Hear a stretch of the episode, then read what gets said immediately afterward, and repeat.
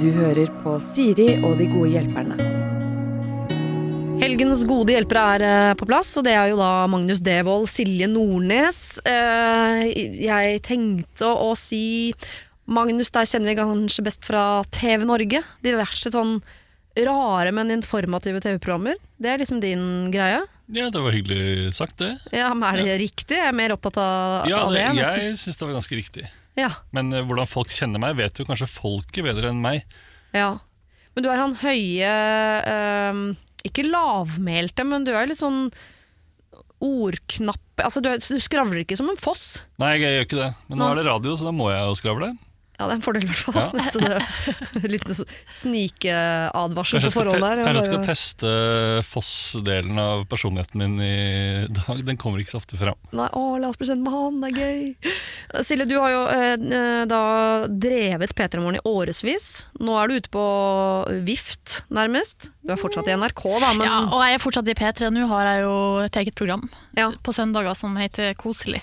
Eh, Så det er vel det, det, er det jeg gjør akkurat nå, da. Men det er P3 og NRK, ja. Mm. Men det koselige-programmet, er det en direkte resultat av koronaen, eller lå det liksom på blokka uansett? Nei, altså det var en idé som jeg fikk i januar. Ja. Eh, Men januar kan man kanskje si er på en måte årets eh, koronamåned. Ja. Sånn, sånn før vi visste hvordan korona var, så føles det litt som en evig januar. Litt sånn mørkt og må ikke gå ut og Ja. Ja, så det var egentlig da ideen kom. Sånn, eh, kan vi bare prøve å fokusere litt på det positive innimellom. Ja. Eh, Men så hadde jeg jo egentlig ikke noe midler Altså, jeg skulle egentlig på noe studieopphold i New York og skulle ha litt lengre pause da, etter Ja. ja. P3 Morgen. Men så eh, ble jo turen avlyst, og man måtte uansett bare være hjemme, så da tenkte vi da kjører vi på, da. Ja. Ja. Så nå for tiden så er det egentlig ganske sånn hverdag for deg? Lage litt radio, surre rundt i Oslo-gryta? Ja, det er hjemmekontoret der jeg har min base, og Ja. der eh, Jeg skal ikke si at det koker, det kan jeg ikke påstå. Det er vanskelig å få det til å koke hjemme. Altså. Så sitter vi der og surrer litt, og det er noen Teams-møter. Og, men det er veldig, det er en veldig sånn takknemlig oppgave å ha Altså jobben din er å kun fokusere på det positive. Ja. Det er ganske deilig. sånn at Når jeg sitter på hjemmekontoret og går inn på nettavisene, så scroller jeg altså jeg scroller bare forbi alt Mm. som Korona, Hagen, alt, bare. Forbi alt det. Jeg trykker meg bare inn på de sakene som ser hyggelige ut. Ja. Positive overskrifter, dyr, uh, her er det en gammel mann som har blitt overraska på gamlehjemmet. Altså bare de sakene. Ja, I år blir det mindre brunsnegler, folkens. Litt Type- sånn, ja. Og det gjør noe med det. Ja. Det gjør, altså Når man aktivt går inn for å tenke positivt, så, så det funker. Ja, så du er ganske lystig til sinns for tida? Ja, ja da. Ok, du hadde vært mye mørkere hvis ikke du hadde hatt det Det, fokuset. det tror jeg. ja. Jeg skal ikke grave i det. Hva med deg da, Magnus? Hva uh, driver du med nå? Har du også hjemmekontor? Ja, ja, begynt å være litt tilbake på vanlig kontor uh, igjen. Ja. Uh, men jeg hadde jo hjemmekontor lenge. Eh, men nå har jeg begynt å være innom. Eh, holde på å klippe, det er veldig vanskelig. Hva klipper du, er det hemmelig?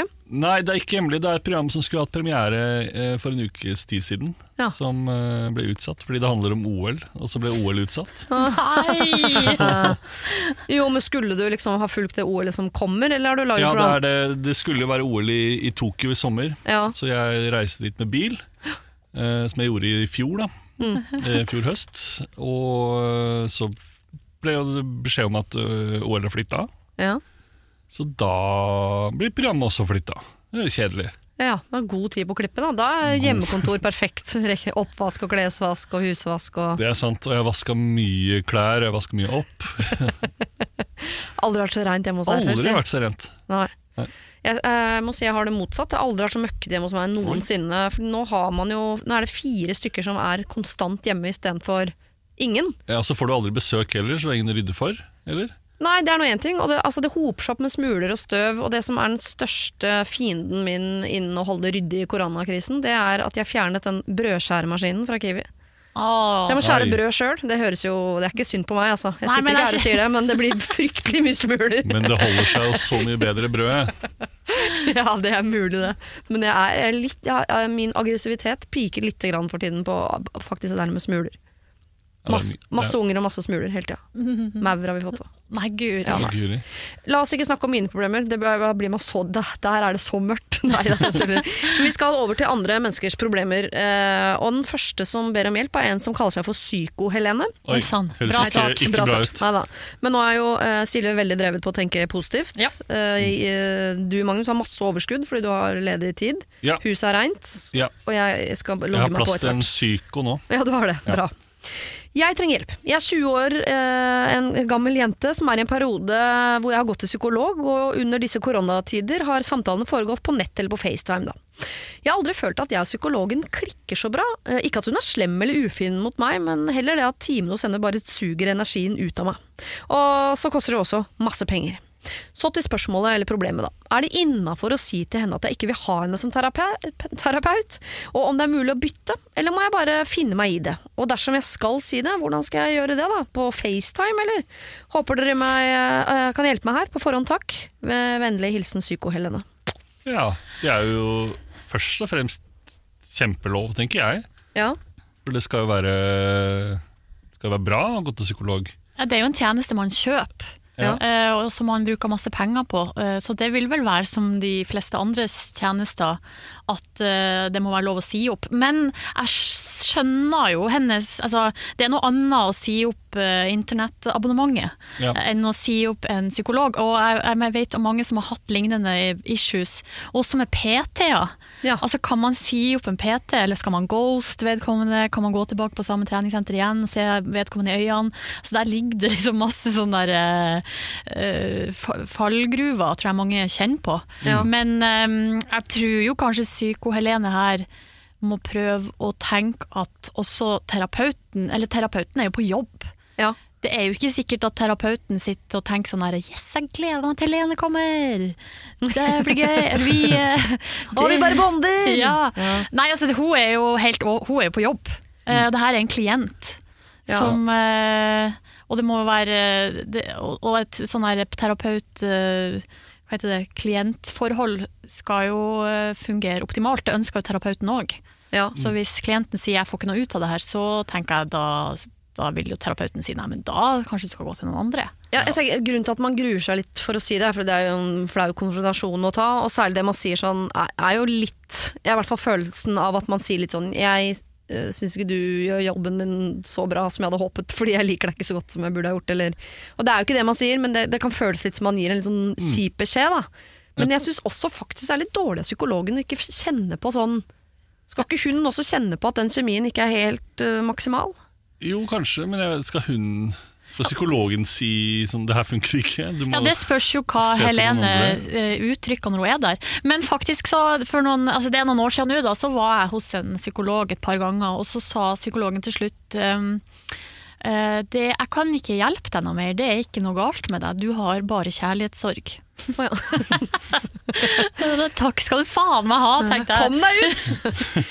Nei, men det var er, ikke noe artig. det er jo forskjellig, fordi jeg tenker sånn av av pasient å si opp psykolog er jo greit, men av en psykolog å på en måte si, si opp en pasient kan jo være det lille dyttet som gjør at du blir enda mer lei deg, på en måte. Så det er jo ikke bra, men å legge fram til sånn jeg vet ikke om du føler at du får noe ut av dette, eller om det er noen andre du tenker at du snakker bedre Det er jo lov å legge fram sånne forslag, sånn at det er noe å bite fast i. Sånn, ja, når du sier det. Ja da. Jeg har alltid kommunisert bedre med menn. Lurer på, Er det noe andre folk her jeg kan prate med, eller? Jeg tror jo det som jeg ofte tenker eh, hvis jeg skal til legen med noe rart, eh, tenker jeg jo sånn Det her har de sett før i en verre utgave. på en måte, og jeg tror også psykologer antagelig har hørt eh, verre ting. Ja. Eller har eh, hatt mange folk som har, har bedt om å bytte før. Jeg tror ikke det er så uvanlig. Folk bytter jo fastleger og holder på hele tida. Men det kan du Eh, gjøre på nett. Det kan man gjøre på nett. Men med en psykolog også, så kan man jo Hvis man er veldig konfliktsky, så kan man jo bare ljuge og si 'jeg føler meg kjempebra', og så begynne å treffe en annen psykolog fra et annet kontor. Ja. Man kan jo også, ikke at jeg foreslår det som et eh, ekte forslag, men det går jo an å ghost. Altså, Ghosting eh, eksisterer jo i f.eks. dateverden. Det er jo ikke noe bra.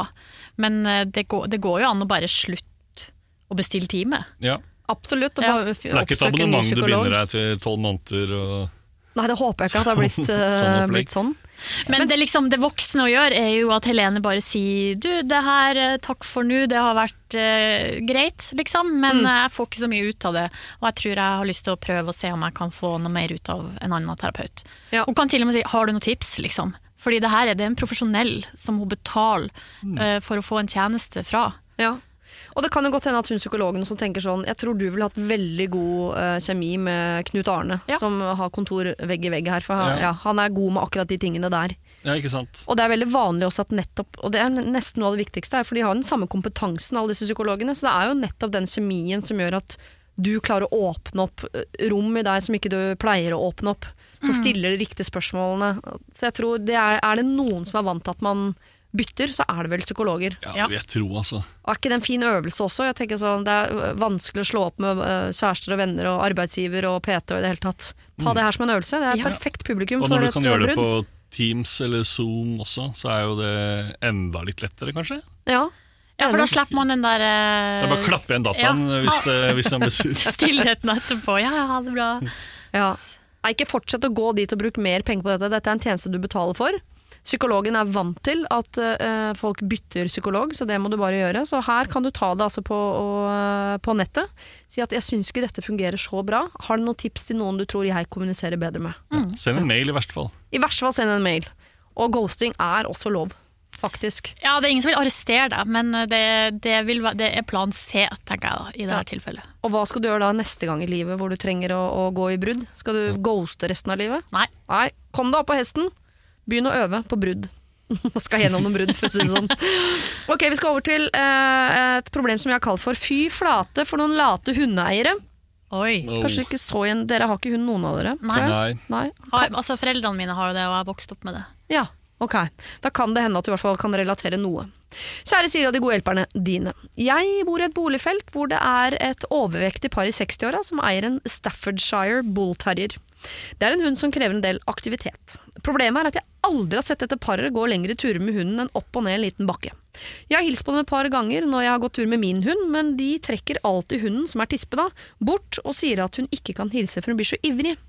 Jeg har en mistanke om at hun er for ivrig, for hun har så mye energi som hun ikke får utløp for, og det bekymrer meg.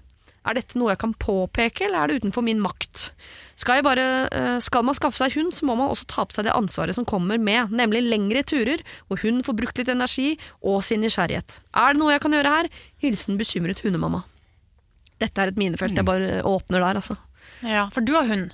Jeg har hund, og jeg må bare si at det er ikke alle som skaffer seg hund øh, fordi de skal løpe i tur øh, i skog og mark. Og det er klart at da burde du kanskje unngå løp, afrikansk løpehund, for eksempel. Ja. Men Staffordshire, er ikke det en sånn kortbeint, øh, vaggete liten sak?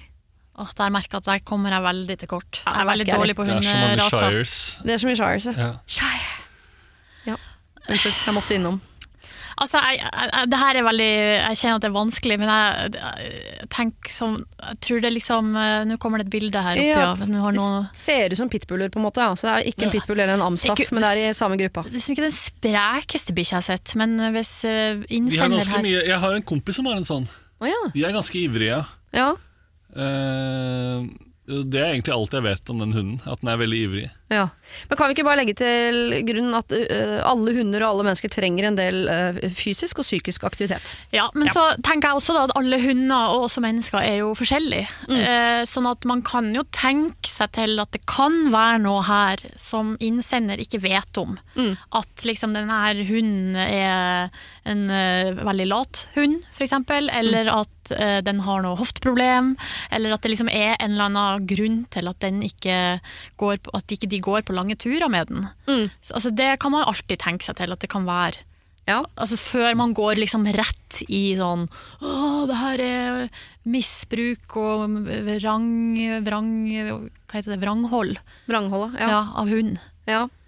Så man skal være sånn forsiktig liksom, med å blande seg veldig i andre sin eh, greier. Jeg syns det der er et av de vanskeligste minefeltene å gå ut på, om det er andres unger eller andres bikkjer eller hva det nå er. er sånn, når skal man tørre å ta tak i det? Eh, og når skal man liksom tenke at det der er andres business? For det er jo noen ganger man burde ha tatt tak i ting òg, hvor man bare har gått forbi og tenkt 'jeg blander meg ikke'. Men kan man, kan man liksom Hvis man møter på de snakke om det litt generelt. At man, uff, ja, dere har Oi, Staffordshire, ja. Den Det, uff, den eh, Shit, det må være utfordrende. Og den skal jo ha Den skal jo gå ti mil hver dag, den. Ja.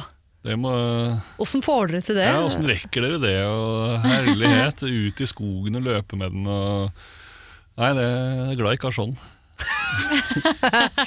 Jo, men å gå inn med nysgjerrighet er jo alltid en god løsning. Det er sikkert mange som skaffer seg hund, og den var søt, men de aner ikke noe om hva den rasen skal ha. Det kan godt hende at det er det de har gjort. Ja. Hvis de, de høres jo litt opp i åra utover, kanskje. ja, Det er et par i 60-åra, de er begge Ikke sant? overvektige. Ja, Og de blir jo eldre og eldre, som jo mange mennesker blir. Mm. Eh, Mer og mer overvektige òg. Ganske antagelig, vanlig som også mange blir, eh, Mm. meg selv inkludert.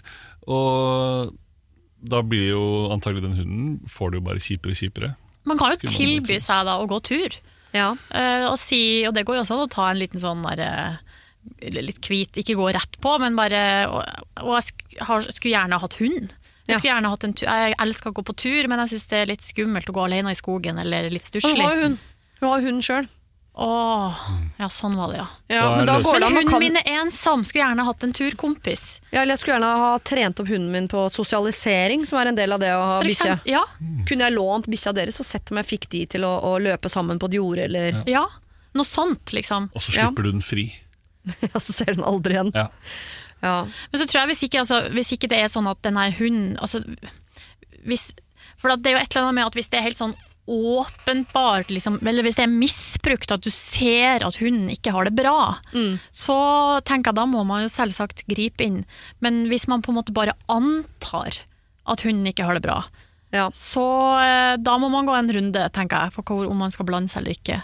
Og så syns jeg man skal åpne opp gluggene litt grann på uh, hva som er innenfor rammene bra. Fordi man setter jo sine egne rammer. ikke sant? Så for en uh, idrettsfamilie fra um, Sogn, hvor alle løper maraton og det spises kikerter over en lav sko, så vil jo det å på en måte bare gå på volleyball en gang i uka og unne seg en runde på McDrive-in to til tre være et, være et forferdelig liv. Altså Det er eh, overgrep. Altså det er for, det, det, sånn kan man ikke leve. Sånn er det jo øh, mange som lever. Hei, Ja, hei. og har det, det fint med det. Har det fint med det. Og, det betyr ikke, og barna mine også, de er jo aktive, men de er ikke noe sånn, jeg har ikke sendt de ut. De har ikke gått sju mil på ski, og de har ikke vært på noen fjelltopp ennå. Og de har til gode å smake kikert, tror jeg. Det går bra, liksom. Så jeg synes det er liksom, Hvis det skal komme Kari Jacquizon skal komme inn i mitt liv og si sånn Burde ikke de barna dine ha løpt mye mer og spist mye sunnere? Så hadde jeg sagt hold tåta. Løp sjæl. Så jeg bare, man kan ha noen sånne leveregler for sånn har mine barn, eller sånn har min hund det, eh, sånn har vi det. Det har ikke dere. Så med mindre det er sånn vannskjøtsel, liksom. Ja, nei, det er ikke vannskjøtsel å ikke drive med maraton. nei. enig. Preach. Ja, nå ble jeg litt streng. eh, Nei, ja, men jeg Selvforsvar kaller jeg dette. det må være lov. Åh, bekymret hundemamma. Eh, du kan jo stille noen spørsmål, eh, sier Magnus her. Altså være litt nysgjerrig. Høre om er det ikke slitsomt med alle de lange turene. Hvis du har det i deg, så kan du spørre om du kan låne hunden, for du trenger å sosiale, sosialisere din egen hund. Eller så kan du jo også åpne opp litt grann for å tenke at kanskje det bare går bra, at de går noen korte turer. Hunden får mat, kjærlighet, den tisser og bæsjer og får seg en liten tur. Det er mer enn mange kan ønske seg. og åpne opp det lite grann.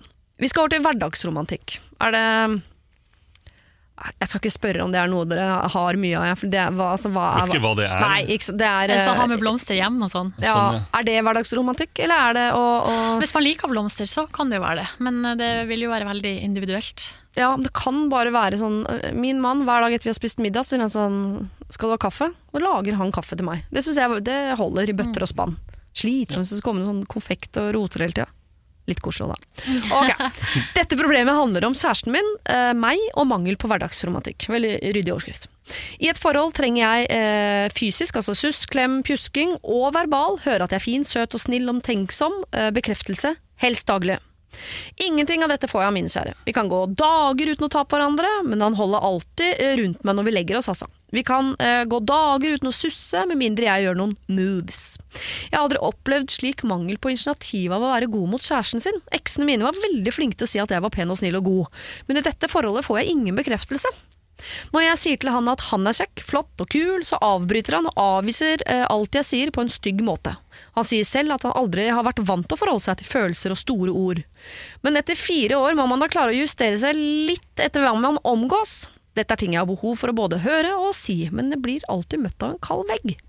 Det ender jeg gråter meg søvn, søvn når ønsket og behovet for slik hverdagsromantikk blir for stort. Dette er syklusbasert. Kan òg og ta, eh, ta med at det første året var ganske turbulent, da eh, noen gjorde alt i sin makt for at vi ikke skulle bli sammen. Han ga litt etter for det og sa at vi aldri kom til å bli kjærester, og dette sto han på ganske lenge, til tross for at jeg følte det annerledes, og forsto innerst inne eh, at han også egentlig gjorde det. På denne usikre og såre tiden hadde han null problem med å fortelle meg hvor flott og deilig han syntes alle damene på filmer vi eh, så sammen var. Om noen tok av seg BH-en vi fikk se litt pupp, så jubla han, og en seksuell eh, eh, Og om en seksuell lesbescene kom, kunne han si 'nei, jeg vil være med'. Han brydde seg mye mer om dem på TV enn meg som satt rett ved siden av han. Så det er sårt at han ikke kan si til meg at jeg er pen.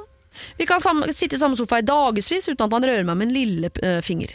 Jeg har vurdert parterapi, sier hun, eh, og hun har altså hatt en prat med han om grunnleggende behov i et forhold.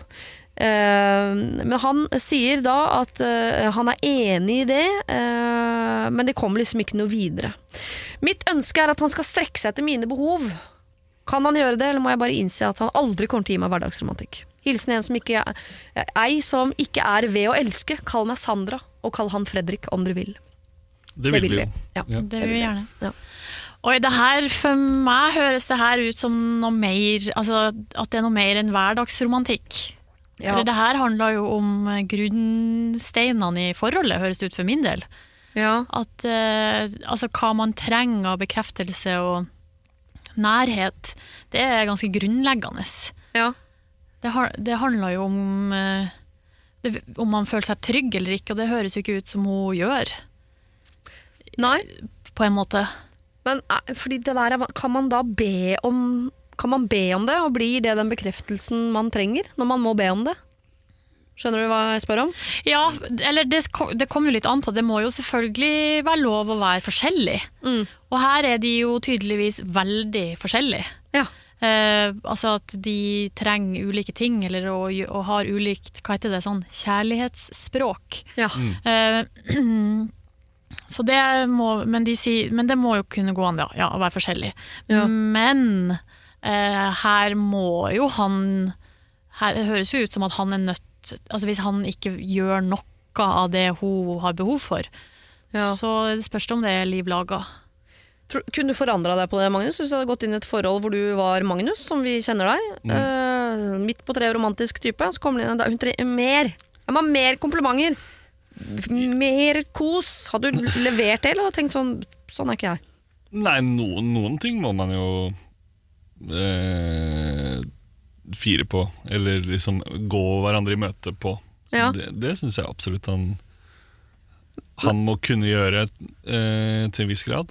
Og han er jo Ja, det er jo veldig enig med mye av det Silje sa. Men han er, han er jo sikkert vokst opp med og vært i forhold før hvor det her aldri har vært snakka om, eller eh, aldri liksom blitt uttrykt på en måte fra hans eh, side. Men han høres jo også ut som en generelt også en dårlig fyr. Ja, får du det inntrykket? Bitte litt. Ja, men det kommer, kan, da kan man tenke sånn Ja, da har han sikkert vært sammen med noen før som ikke hadde det samme behovet for bekreftelse. Eller han har vært sammen med noen før som har hatt det samme behovet, og som også har grått seg i søvn hver eneste kveld. Jeg bare, jeg, Eller han har ikke vært sammen med noen. jeg har ikke vært sammen med noen før, ja, det kan hende. Jeg, bare, jeg ser ikke for meg at man på bestilling kan bli et sånt mes menneske som er flinkere til å gi kompl... Jeg tror det enten så faller det deg naturlig, eller så gjør det ikke det. Men han må vel altså Hun sier jo at hun har prata med han, men eh, her, hvis hun ønsker å være med han eh, som det virker jo som hun gjør litt, da, siden hun tar seg bryet med å sende inn, altså hun sender inn hit, da, at hun har Ja. lyst til å finne ut av det. Så det er jo noe med å få han til å forstå da, at det her er, at det er altså For hun handler det om at enten så blir jeg eh, møtt og sett, eller så kan ikke vi være i lag. Altså at det, og det er jo fælt å liksom komme med ultimatum, liksom. Men at eh, det, det, det, det virker jo som at det føles sånn for henne. Ja. For henne er det et ultimatum, liksom. Ja. Og det er jo noe med å få han til å forstå. Og så få han til å liksom rise to the challenge. ja. Hvis han har det i seg, liksom. Og så enten så har han det jo i seg, eller så har han det ikke. Og har han det ikke, ja da spørs det om hun skal finne seg noen andre. Ja, jeg er helt enig i det, men om ikke han har det i seg, er det noe hun kan gjøre i seg som gjør at hun ikke trenger den stadige bekreftelsen på For det er jo noen Jeg husker ikke jeg hørte en hvor det var et, par hvor hun trengte bekreftelse på at han elsket henne. Og så sa han sånn 'Jeg har jo sagt at jeg elsker deg!' Og forandrer det seg, så skal jeg si fra. Sånn. Ja, ikke Jo, sant? men det, det er en mennesketype også, så Ja. sånn, men må jeg hele tiden bekrefte bekrefte. Jeg tenker så Hvis det er en som trenger konstant bekreftelse, så vil jeg ville synes det vært litt slitsomt å være sammen med et menneske som trengte kontra, eh, konstant bekreftelse på at jeg likte vedkommende. Den tryggheten må på en måte ligge i bånn. Mm. Uh, og jeg bare tenker, kan hun også For du sier, sier jo det, Magnus, du også møtes på midten. Så hun kan jo strekke seg litt, hun også, i forhold til å bli tryggere på at han liker henne. Han har jo valgt henne, de er jo sammen. Ja, De har vært sammen i fire år òg, så det er jo han, ja, han tenker jo sikkert bare det sånn Ja, men jeg sa det jo i 2017, så Ja. da Ja, altså, da kan jo, hun kan jo også gå Hun kan jo kanskje gå og snakke med noen, eller eh, ta tak i sitt eget behov for bekreftelse. Ja. Det, altså, hvis hun har virkelig lyst til å jobbe for det her, så er jo det en mulighet. Ja.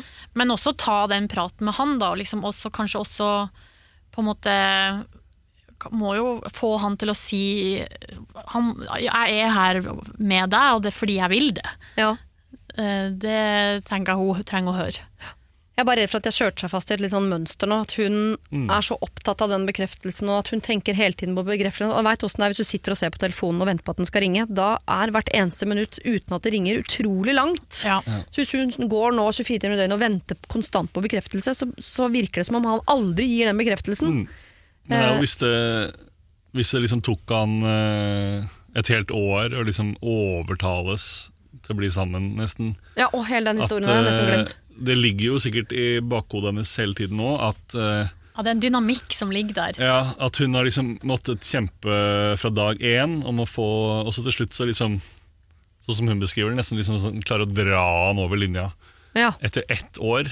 ja. Eh, Og i det året også som har brukt på å dra han over linja, så har han jo uh, gitt masse komplimenter til puppene til Sandra Bullock, liksom. mm. Så når Sandra bare ramla inn, for det var uh... Litt sånn gammel referanse. ja, Perveobjektet til eksen min, det er derfor. helgene. og- Speed. Han likte meg veldig godt, men Sandra Bullock var helt fantastisk. Så tenkte jeg sånn, ja, ja, vi er jo ganske like, vi, er vi ikke det? Men uh, hun høres litt usikker ut. Er dere enig i det? At hun, Ja. hun syns det er vanskelig at han liker de på filmen. Hun vil hele tiden ha bekreftet at han liker henne. Så sånn sett er det nok en mismatch i forhold til at hun trenger mye mer bekreftelse enn han er i stand til å gi. Mm. Og de, om de to planetene kan møtes jeg, jeg, jeg skal ikke være pessimist, men øh, det høres ut som en litt vanskelig jobb. Ja. Ja. Men vi ønsker deg lykke til. Jeg Håper at du får det til. Syns du skal ta den praten. Syns du skal prøve å møtes på midten, som Magnus sier. I forhold til at han kan gi litt mer, men du kan kanskje kreve litt mindre. Men er det sånn at du har et behov som han ikke kan fylle? Ja, så kan det vel hende at det er noen andre som må gjøre det, da. Hvis det er lov å si. Ja. Ja. Vi skal ta et eh, problem eh, til. Som er, altså dette er et litt, her må dere følge med. Jeg sier, ikke at dere ikke har gjort det fram til nå, eh, men, men dette syns jeg var et litt det, Dette er et litt rart problem. Ok. Husker ikke sykebesøk, har jeg kalt det. Hei, Siri og gårdhjelperne. Jeg har et problem som er vanskelig å beskrive, om mulig er det noe unaturlig. I januar ble jeg innlagt på sykehus med en alvorlig sykdom, ikke korona. I den forbindelse fikk jeg besøk av en venninne.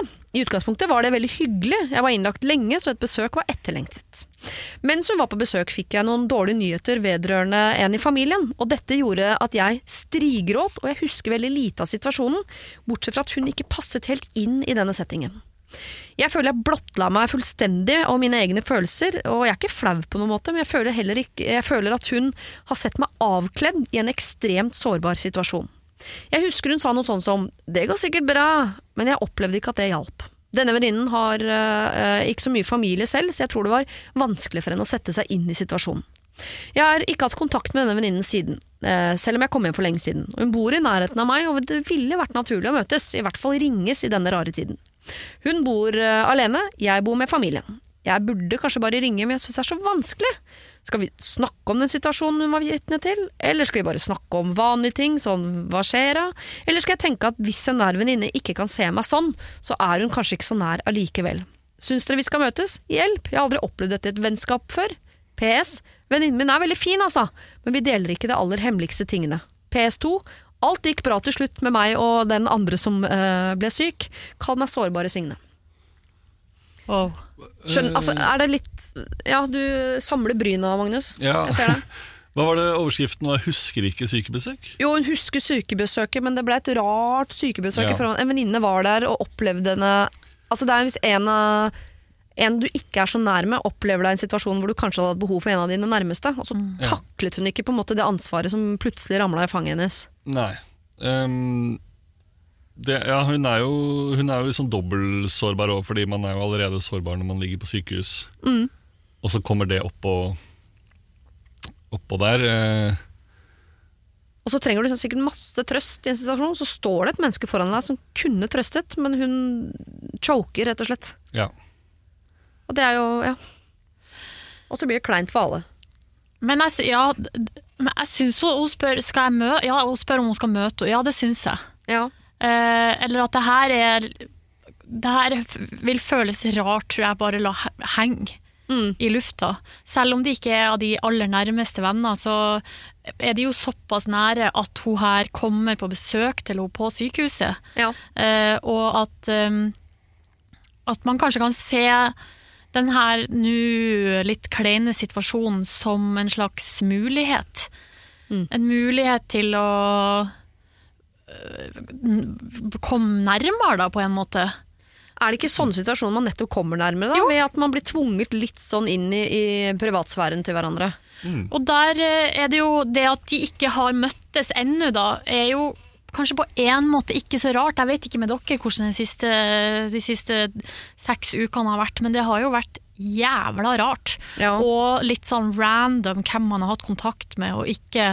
Og jeg for min del har liksom bare forholdt meg til liksom Jeg har jo nesten bare vært hjemme alene, Ja. uten å ha kontakt med noen. ja. Eh, sånn at eh, det at de ikke har hatt kontakt, kan jo kanskje skrives litt på den Ja. Kvota også. Ja, selv om jeg skjønner jo at det føles rart at en du har hatt besøk av på sykehuset, har du ikke hatt besøk av hjemme når man er nesten naboer. Den er jo litt rar, men jeg er enig, det kan være korona, selvfølgelig. Ja. Men man har jo telefon. Du Ja kan da. jo sånn 'velkommen hjem', jeg ser du har kommet hjem. Jeg, bare, jeg tror, hvis jeg hadde opplevd den venninnen jeg, heller jeg tror også jeg i en sånn situasjon ville choka litt. Jeg hadde ikke helt visst hva jeg skulle gjøre. At plutselig en jeg ikke kjenner så godt, bryter sammen fullstendig, for det har vært krise i familien. Så hadde jeg nok visst inni hodet mitt at nå burde jeg antageligvis omfavne henne og stryke og si Men jeg tror jeg kunne blitt litt sånn perpleks. ja, Sånn- man kan jo fort bli det. Ja, Oi, jeg Ja. trodde dette skulle være sånn. Hallo, åssen går det? Overlevere noen blader og en blomst. Og så plutselig så var jeg midt i en, øh, en krise. Mm. Og så choker man litt på det. Men jeg så rart at hun ikke har etterpå sendt en melding sånn ja, jeg bare, At hun Ja, ikke har er sagt sånn rart. Hvordan går det? Ordna det seg med hun i familien som var syk? Er du hjemme igjen? Åssen går det med øh, hofta eller huet eller hva, hva som hadde Men det kan hende at hun fortsatt liksom er i choke-mode. Ja, Bare jo- hvordan skal jeg forholde meg til det her? Jeg vet ikke, jeg klarer ikke å ta tak i det. Det kan jo hende jeg vet ikke med deg da, Hvis du hadde opplevd det, Siri, hvis, jeg, hvis da den andre hadde, liksom, hadde tatt kontakt med deg og sagt Oi, det, sist vi møttes, det ble jo litt intenst. Ja. Eh, det, går, det går bra med meg, det går bra med den andre som ble syk, men, men eh, Og så kan man jo si, bare sånn dra på litt og si men jeg var glad du var der. Ja. Jeg er veldig glad for at du kom på besøk, det betydde mye for meg. Eh, på en måte prøv å liksom møte henne. Hun sitter jo alene, da, åpenbart, i ei leilighet i denne tida. Ja. Eh, og ka- virka litt sånn eh, Ja, kanskje litt umoden, eller ikke helt sånn der, eh, klar for å ta tak i ting. Jeg tipper jo hun, Hvis sårbare Signe syns dette er litt kleint nå, og sårbare Signe virker som en som, som har nære og som kan slippe folk helt inn og sånn, så tipper jeg hun venninnen som tilfeldigvis var der akkurat da, syns dette er veldig kleint. Ja. Ja, sikkert ti ganger verre. Ja, det og vil alle har jo noen sånne venner som Man er ganske gode venner, men man snakker aldri om noe alvorlig. Nei. Eh, eller I hvert fall jeg har det. Ja. Eh, og, og hun er jo sikkert en av de. Og, men ja, bare si at eh, det, går, det går bra nå. Oi, det var, sist var det litt mye, men så kan man kødde det litt bort. Og, Ja. Har du lyst til å Sånn. komme på middag til meg og familien min? Du sitter der hjemme alene i leiligheta di. Ja, for jeg tenker hvis det er noen Altså Man har jo de menneskene som, som dette er naturlig for, og så har du de hvor det ikke er naturlig for. Og da tenker jeg Hvis de det er naturlig for, har litt ekstra på kontoen til å liksom ta tak i de det ikke er naturlig for, og, og de må dras inn i indre sfære, så gjør hun for all del det. Jeg tipper at øh, hun nå er litt glad for å få lov til å komme over den kneika. Kanskje hun kan bli enda nærmere, men at hun, Ja. må, liksom, hun må lures litt inn, liksom. Ja, tenk, I mitt eget liv, altså eller de gangene eh, eller da jeg ikke, ikke, ikke klarte liksom å på en måte ta imot venner og deres problemer, Mm. så handla det nok mest om at jeg hadde så mye issues sjøl. Ja, jeg hadde ikke sjans. det er fullt. Det, her, altså jeg klarer ikke, det her klarer jeg ikke å forholde meg til. Og man er usikker, utrygg, uh, usikker på sin egen liksom, base. Mm. Og da er, det liksom ikke, da er det ikke så lett Nei. å skulle liksom åpne armene og ta imot noen andre og gi masse. Sånn at uh, ja, det er nok en som sitter alene i ei leilighet og tenker shit, det der Og der var ikke jeg bra nok, det er hun antageligvis klar over òg. Ja. Mm.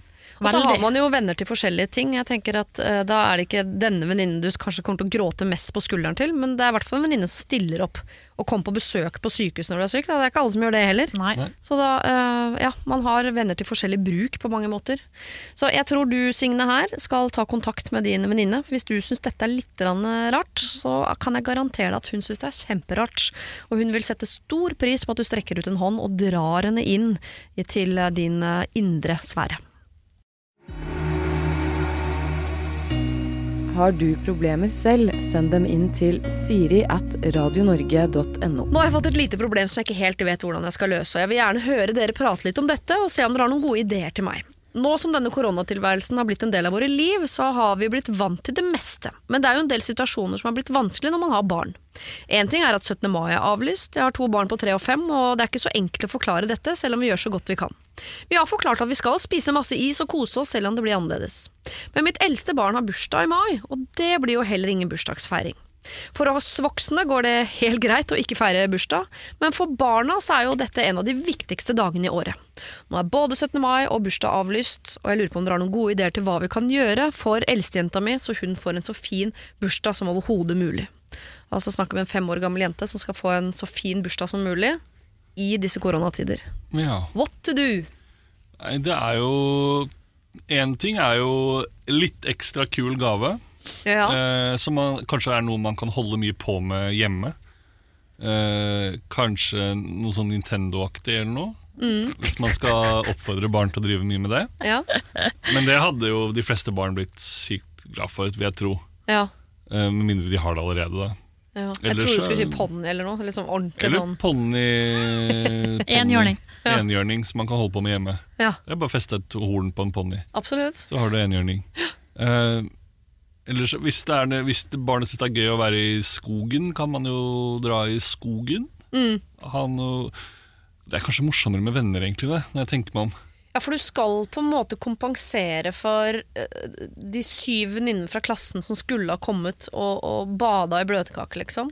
Men altså, unnskyld meg, nå vet ikke jeg hvor mye man uh, snakker med en femåring om altså, Minst mulig. Nei da. Nei, men altså, hvordan, hvordan forventninger er det egentlig hun har?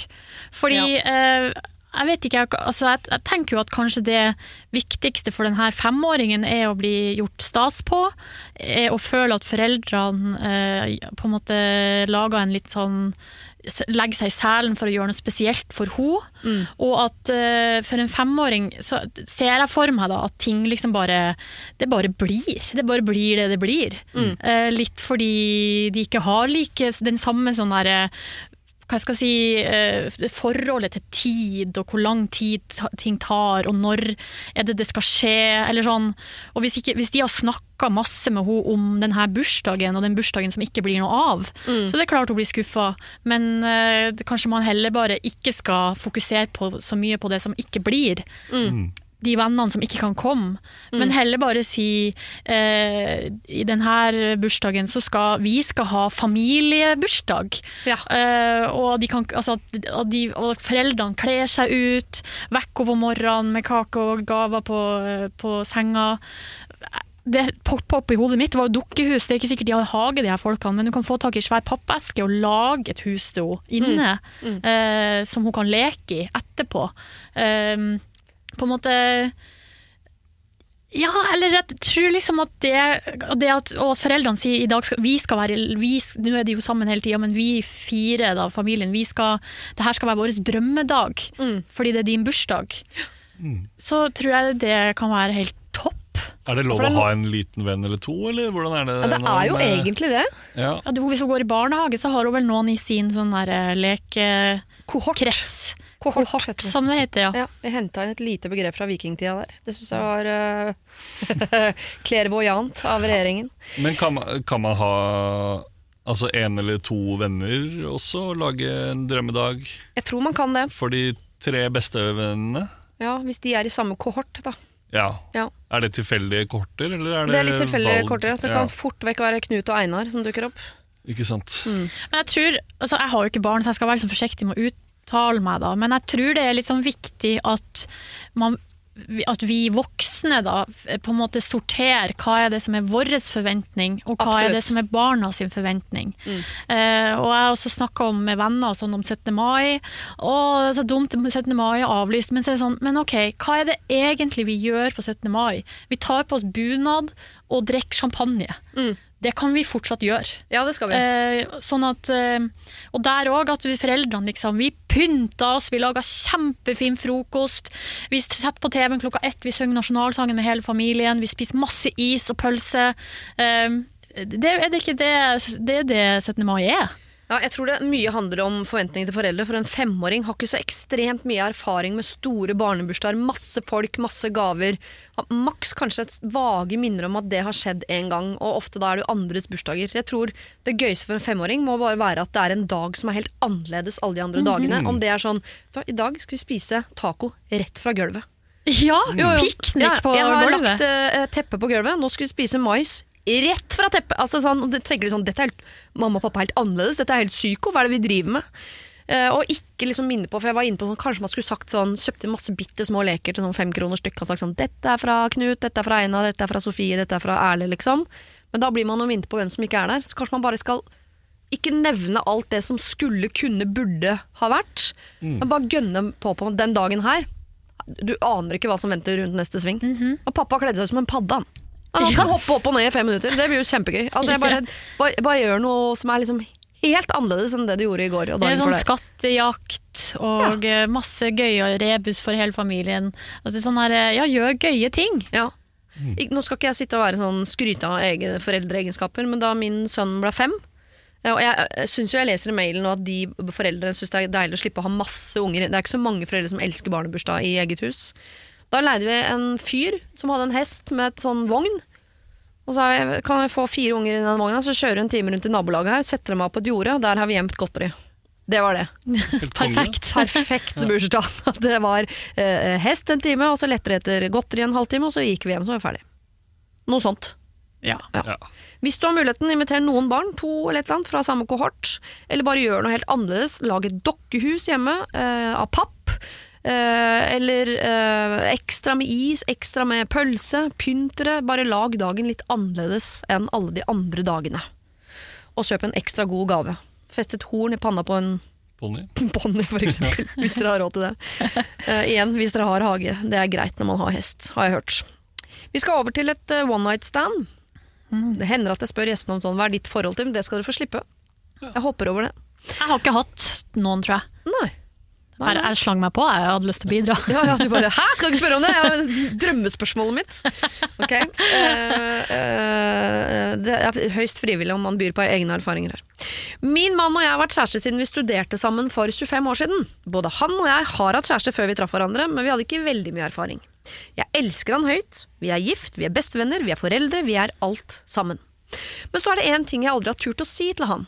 Jeg har nemlig faket orgasme i 25 år. Nei. Eller egentlig lenger, da. Nei, altså, jeg har aldri fått det til sammen med noen. Jeg får det til alene, så kroppen fungerer som den skal, men det er verre med hodet.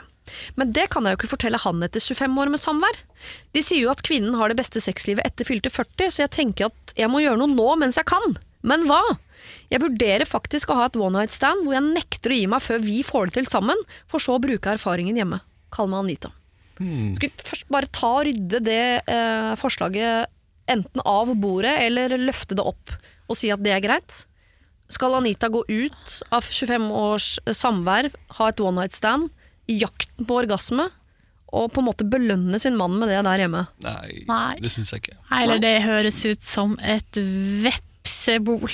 Eh, og da blir det nytt problem om tre uker. Sånn Hei, jeg har vært utro mot mannen min, som jeg elsker, og vi er bestevenner og barn og foreldre, og det er så god stemning, men nå har jeg vært og fått orgasme med en annen mann. Så nå vil jeg være sammen med han. Ja. Ja, fy Han har faen. gitt meg noe min mann aldri har fått til. Nei, fy fader. Nei, det tenkte jeg ikke på. Hun kommer til å bli kjempeforelsket i han mannen som gir henne orgasme for første gang. Ikke fake orgasme, folkens. Det, og i hvert fall ikke i 25 år. Nei. Nei, men det er noe hvis du først er i gang med faking. Jeg kan skjønne at man prøver å fake seg over en kneik og tenker at dette går seg til.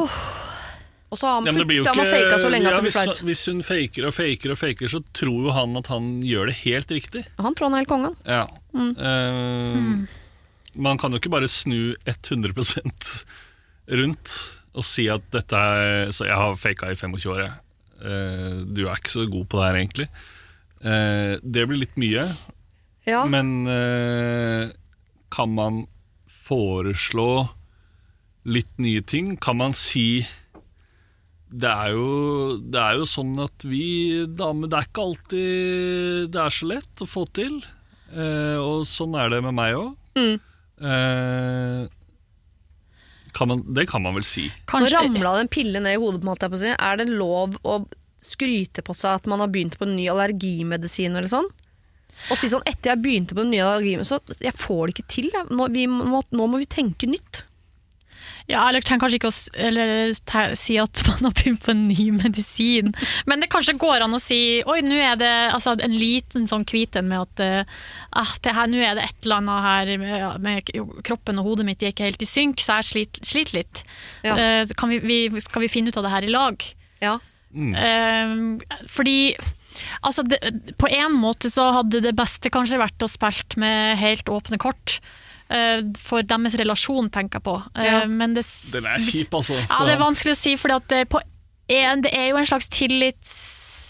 eh, Et tillitsbrudd. Det å fake si orgasme, faktisk. Det, med en det du tror du var kjempegod på i 25 år, du har faktisk aldri fått det til. Å, herregud, det er ikke bare Ja, men men, det er også Jeg tror hans eh, eh, selvtillit kommer til å Da får vi et nytt problem. Mm. Eh, I jakten på orgasme så må du også eh, få eh, jakten på reisning.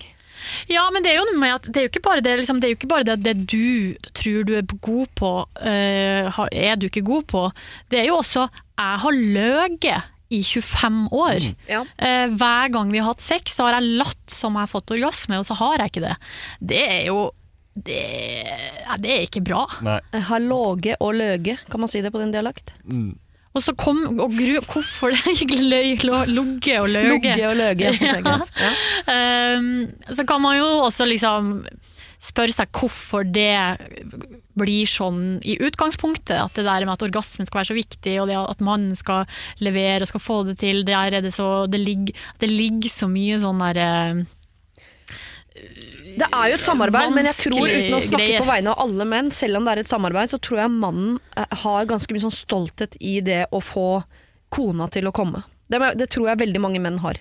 Så jeg tror det vil være så hardt slag i fjeset hans etter 25 år at han både har blitt jugd til, og at han ikke har fått til det han tror han får til. Ja. Så eh, selv om jeg er for eh, at kommunikasjon er det smarteste i nesten alle, alle konflikter, her er vi over en annen her, Og jeg tror ikke de kommuniserer så mye i senga heller. Her må vi, noen må tenke nytt. Ja. Men det å, å få den derre Eller det emnet ut der, Ja. eh, kan jo òg gjøre litt for henne at den derre knuten som har bygd seg opp i 25 år, slipper litt grann taket.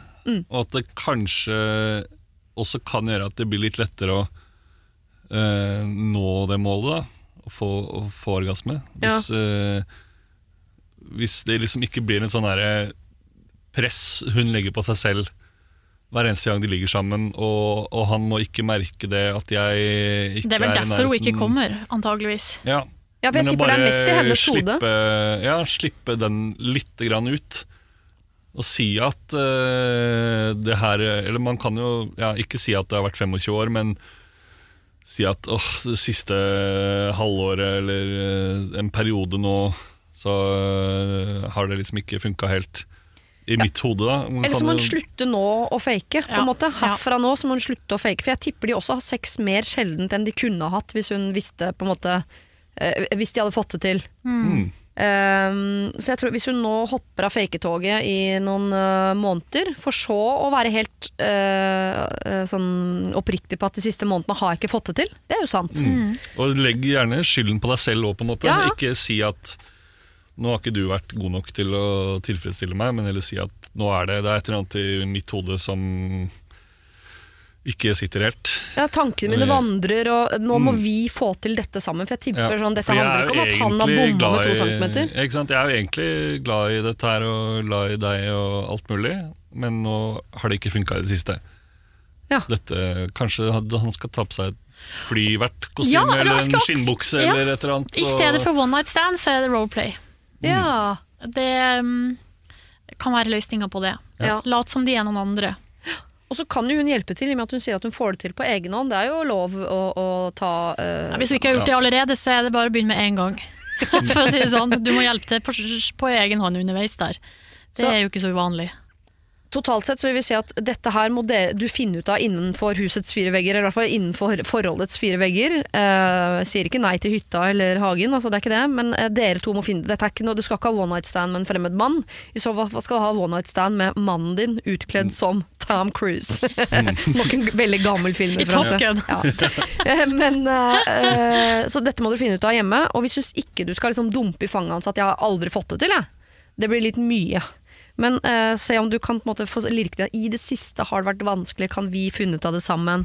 Om han må inn i skinnbuksa, og du må hjelpe til med det du vanligvis bruker når du er aleine. Summen av det, og så prøve å koble av huet lite grann, så tror vi at summen av det er at dere på et eller annet tidspunkt kan få det til sammen. Åh, det håper jeg. En ny vår! Er en ny vår, ja. Ja, ja, ja, la oss se på det sånn. Og glem det der eh, allergimedisinforslaget mitt. Nei, det blir for Det komplisert. blir for komplisert. Fake resept og hold det gående. Ja, da må du få en til å skrive en resept, og så må du ikke sant, Jeg har fått korona, nå kan jeg ikke få orgasme lenger. Faen, du må i karantene, vi skal bare ligge her i 14 dager. ja. Jeg vil veldig gjerne vite hvordan det går, så send meg gjerne en mail på sirialfakrøllradionorge.no eh, og, og skriv 'nå gikk det', 'nå kom jeg', et eller annet. Bare.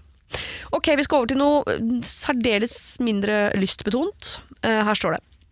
Hei på dere. Jeg har en venninne fra folkehøyskolen som er svært syk. La oss kalle henne for Sara. Hun var allerede syk da vi gikk på folkehøyskole, som nå er noen år siden. Eh, Sara har noen kroniske sykdommer, på skolen, men på skolen så åpnet hun seg litt om dette til oss i jentegjengen, spesielt meg. Jeg syns det var ubehagelig å høre at hun eh, ønsket å dø da hun hadde så store smerter. I løpet av året ble hun likevel friskere, både psykisk og fysisk, noe jeg ble ekstremt glad for. Jeg så for meg at dette kom til å løse seg, og at året på folkehøyskole skulle gjøre henne helt frisk. Nå er det verre enn noensinne. Jeg har fått med meg at hun er en del av dette selvmordsmiljøet på Instagram som har blitt nevnt i media.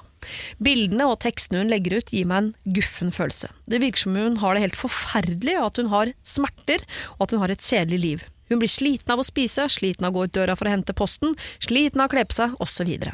så hva i alle dager skal jeg gjøre? Jeg sender henne ofte meldinger for å vise at jeg bryr meg om henne, og at hun jo er ønsket på denne jorden. Hun er ofte innom leger, psykologer og andre som vil hjelpe henne. Jeg er selv veldig redd for at hun skal ta selvmord, og innerst inne venter jeg vel egentlig bare på det. Det er umulig å forestille seg at livet hennes skal bli normalt av alle sykdommene. Hilsen Tuva. Spørsmålet hennes er hva i alle dager bør jeg gjøre, og hun gjør jo mye allerede. Shit. Eh, Det er jo vanskelig det her, da.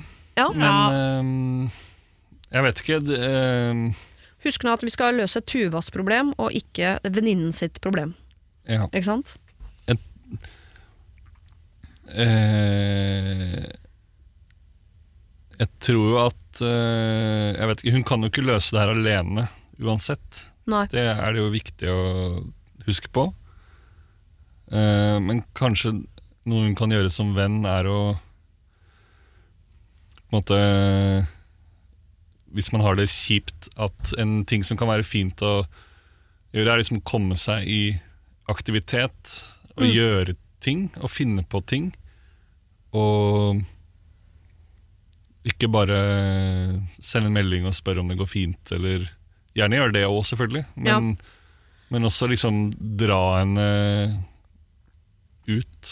Uh, Ja, kanskje avtale ting som, å, som ikke er så veldig sånn Som tar så mye energi, men eh, eh, jeg kommer hjem til deg og lager middag, eller uh, du kan komme hit, vi kan se en film. Mm. Eh, og um, Og kanskje også åpne seg, jeg vet ikke om hun har gjort det allerede, men på en måte også være åpen om sine egne følelser, eller sånn, også vise hvis ehm, hun som har sendt inn kanskje også har ting som hun sliter med, eller sånn, vær åpen om at du er ikke alene om å ha det tungt.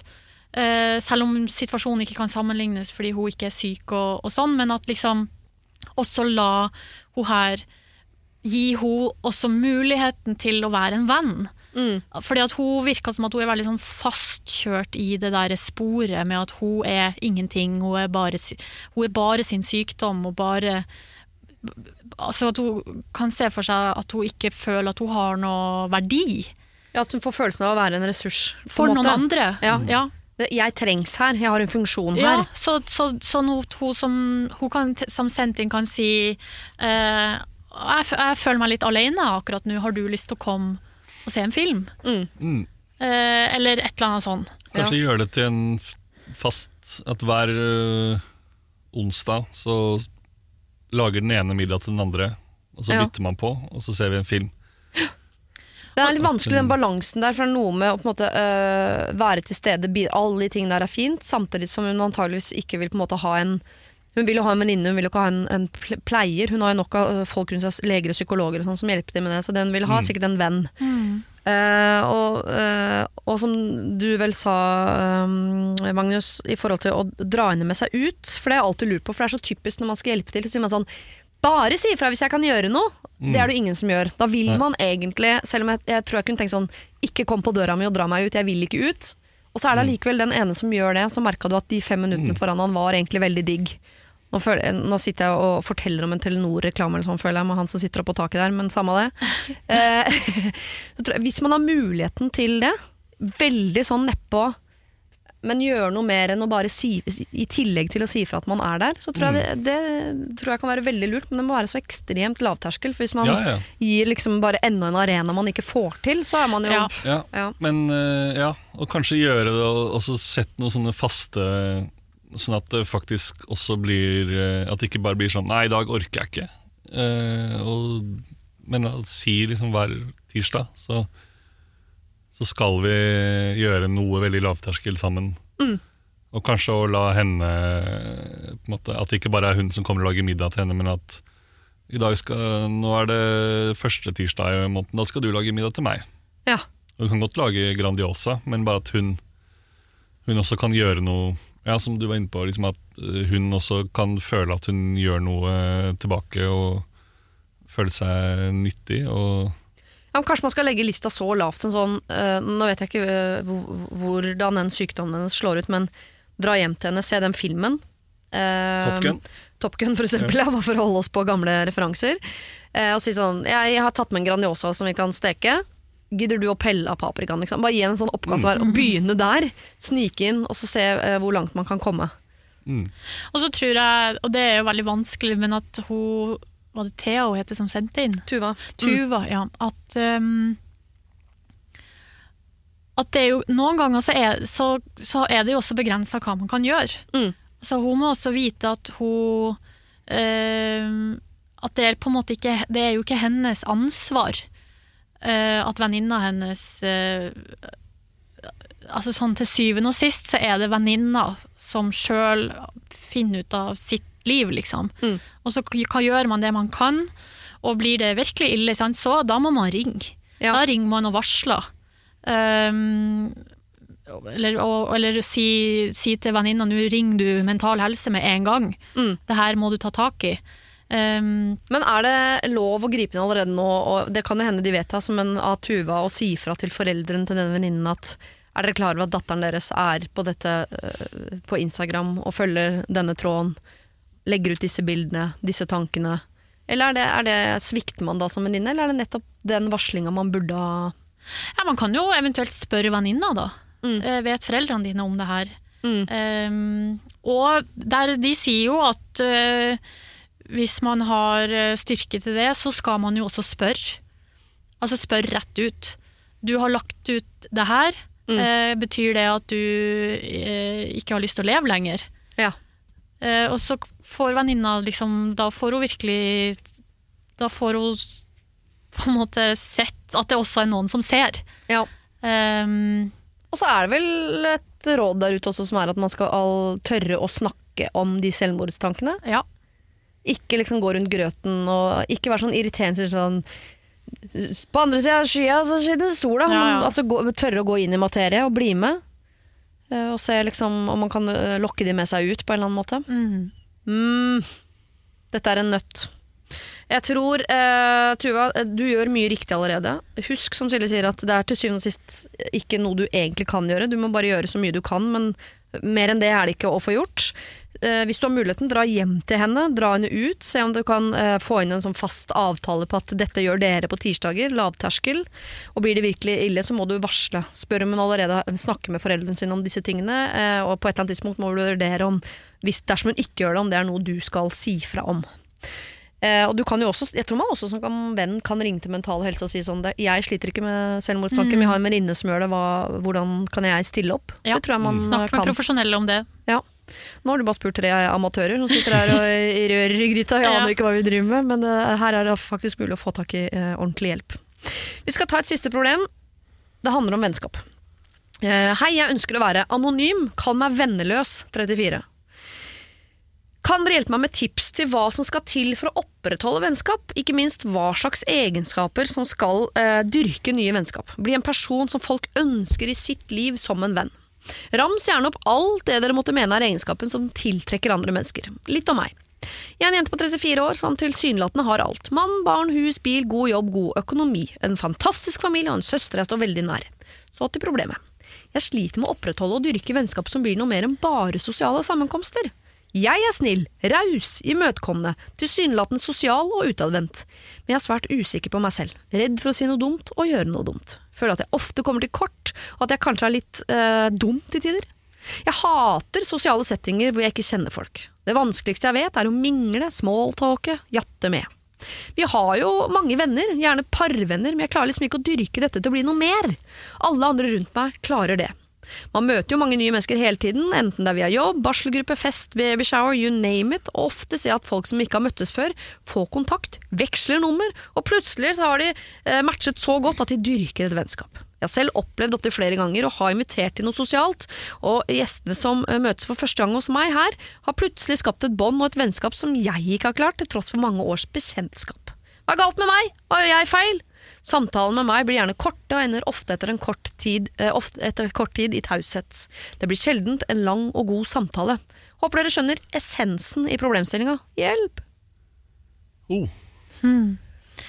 Ak Åh, og det verste er at de som sliter med dette her jeg, jeg, altså Det er nesten vanskelig, men man har jo møtt de noen ganger, som du ser at kaver og sliter så mye i vennskap. De kommer seg liksom aldri forbi den derre uh, bekjentskapsgreia. Kommer seg aldri liksom uh, nærme nok. Og det her tror jeg Vi har jo snakket om det tidligere i dag, om hun som kom på besøk på sykehuset og som ikke visste hva hun skulle gjøre i en litt sånn prekær situasjon.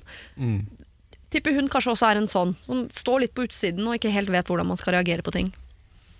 Rams opp det dere måtte mene er egenskaper som tiltrekker seg andre. Nei, altså jeg tenker jo her fra toppen av hodet så er det jo eh, åpenhet og det å tørre å gjøre seg sjøl sårbar. Ja. Eh, fordi det er sånn man kommer nærmere folk, er å åpne opp og fortelle om seg sjøl. Mm. Og når man gjør det, så opplever man veldig ofte at da vil den andre Da lager man jo plutselig en slags kontrakt. Mm. Her er vi åpen, her deler vi. har, Nå har jeg sagt det her om meg, nå er det fritt fram for deg til å fortelle eh, ting om deg sjøl. Ja. Og, og da blir det her, mellom Mm. oss, Ja. på en måte. Um, Ja, for er det ikke litt typisk at de som tenker sånn åh, um, jeg vil gjerne ha flere venner, nærere venner, har en tendens til å prøve å selge seg inn med Se hva jeg får til, se hva jeg har, og se hvor bra jeg er. Altså, at man vil liksom selge seg inn som en sånn utrolig bra pakke. Og så skjønner man ikke hvorfor ikke noen vil ha den pakka, og så viser det seg at den pakka de vil ha, var hun som nettopp sa sånn Jeg, jeg får ikke dette til, jeg. Og så har de åpna opp om et eller annet som er dritvanskelig, eller eh, som jo er lettere å relatere seg til enn den der eh, glossy pakka. Nå sier jeg, jeg vet ikke om det er tilfellet her, men det tror jeg ofte kan være tilfellet. Ja. Si at man Uff, jeg, jeg sier så mye dumt, jeg, noen ganger. Mm. Jeg, er så, åh, jeg er så redd for å Jeg er så redd for å si dumme ting på, når jeg møter folk. Ja, da vil jo folk si ja, det er jeg òg. Mm. Ja. Det er jo veldig gjenkjennbar eh, følelse. Og det å føle seg usikker og lure på om man er god nok, og det er jo ekstremt eh, universelt. Mm. Samtalen med meg blir gjerne korte og ender ofte etter kort tid i taushet. Det blir sjeldent lange, gode samtaler. Hva handler det om? Nei, man må jo spørre, da. Mm. Uh, altså hvis det, jeg setter jo, det jeg setter pris på hos en venn, er jo noen som bryr seg om meg, og som spør uh, hvordan jeg har det, og som kanskje ikke bare godtar det der uh, 'det går fint', svaret. Mm. Spør konkret liksom om, om ting. Så det, og som samtidig deler fra sitt eget liv. Det er jo egentlig bare så enkelt. Jeg får bare tenker at det der med at disse uh, samtalene ofte stopper etter kort tid, er jo fordi jeg tror uh, hun her tenker så mye på hva skal jeg si nå for at du liker meg, hva skal jeg si nå, hvordan skal jeg komme meg videre nå for at dette blir så hyggelig at vi knytter de båndene jeg ser an. Jeg tror hun tenker altfor mye på hva hun skal, burde, må, mm. skulle. Istedenfor å på en måte bare være i den samtalen, stille masse oppfølgingsspørsmål, være nysgjerrig, være til stede, by på ting fra sitt eget liv. Istedenfor hele tiden Jeg tror hun tenker på my for mye på sånn hva, hva er det du ville likt at jeg sa nå? Hva er det du ville likt ved meg nå? Og da blir, Det føles ikke ekte. Nei, folk som Folk man uh, syns er veldig kule og, og er veldig bra sosialt, de sier jo ikke noe magiske ting, liksom. De, de, De bare sier ting. ja, de sier bare helt vanlige ting. Ja. Og ja, stiller, stiller spørsmål, og, og man er jo veldig ofte sånn eh, Hvis man føler at sånn Oi, vi fikk eh, god tone, god kjemi med noen jeg har møtt et eller annet sted, så er jo det veldig ofte, det tror jeg gjelder veldig mange av Det er jo da ganger hvor jeg har kunnet snakke masse om meg selv, Ja. og at de har stilt meg masse spørsmål og ledd av ting jeg har sagt. ja. Så jeg har tenkt sånn, ja, kul eh. Og det er ikke noe mer enn det, på en måte. Det er ikke alt det de har sagt heller, det er bare Nei, men de hvordan skapt jeg har følt meg når jeg har snakket med dem. Ja, for da har du jo skapt et Nå, nå føler jeg meg som pyntepute der borte, men da har du skapt et rom hvor du føler deg trygg til å fortelle masse om deg selv, som du selvfølgelig får noe ut av, og fortelle masse om deg selv. Og kanskje neste gang så er det omvendt. Ja. Ja, jeg tror, eh, jeg tror det kan være løsningen. Å være eh, sårbar, åpen, nysgjerrig, og ikke tenke for mye på når du treffer andre mennesker sånn åh, kan vi få en tett relasjon? Det er jo noe som skal skje av seg sjøl, det er ikke noe du taktisk skal legge opp til. Jeg tror bare det, når du, ser, når du syns du ser at det skjer rundt deg, så er det fordi de tenker ikke så mye på det som deg, og det føles sikkert urettferdig, men det, det må liksom skje litt av seg sjøl. Men de tar jo også initiativ, da, og det må hun vel muligens gjøre, da, sånn at uh, neste gang hun er på en babyshower eller i et eller annet, en parmiddag eller noe sånt, og det er uh, noen der som hun tenker sånn Å, her, hun eller han er hun, Sikkert hun, da. Uh, det er hyggelig. Ja. Inviter vedkommende til et glass vin eller en kaffe på trammen. Ja. Og prøve å liksom legge fra seg alle de der tankene om at jeg er så dårlig og jeg er så dum og jeg er så usikker. Og, og hvis man er usikker, så kan man også si det. Ja. Åh, er Ja, liksom- fordi Vi mener ikke at hun også trenger å bli en sånn som i disse lagene skal bli sånn Nei, nei. full av selvsikkerhet, Nei. masse vitser, snakke masse. Det er nok av store personligheter på en fest. Det er veldig deilig med at man er litt forskjellige typer. Så jeg tenker Det å være sjenert og tilbaketrukket, ikke elske eh, å jatte med smalltalk og sånn, det er ikke nødvendigvis dårlige egenskaper. Det jeg det er fine egenskaper. Ja, hun er den hun er, og det er bra nok. Ja. Jeg tror det egentlig er liksom den, eh, den setningen hun trenger å høre. Det er det du er, og det er bra nok. Og så må du bare stole på det. Det er den pakka du har. Ikke prøv å selge inn som noe bedre eller mer enn det det er, og ikke tenk for mye, liksom. Vær litt under, Still masse spørsmål, så de rundt deg tenker sånn åh, fikk jeg sagt masse om meg sjøl, det var jammen deilig. så tror vi det der kommer til å gå bedre. Det er vanskelig, altså. Det det kommer til å ta tid, men jeg tror du absolutt kommer til å få det til. Eh, tusen takk, eh, Silje og Magnus. Det har vært eh, masse god hjelp. Åtte problemer har vi tatt. Ja. Ja, for, svett, jeg. har redda åtte mennesker, tror du det? Sju, da. Ja. Ha det. Ha det! Ha Det var det. Husk å sende ditt problem til siri at radionorge.no om du vil ha hjelp. Denne podkasten er produsert av Rubicon for Bauer.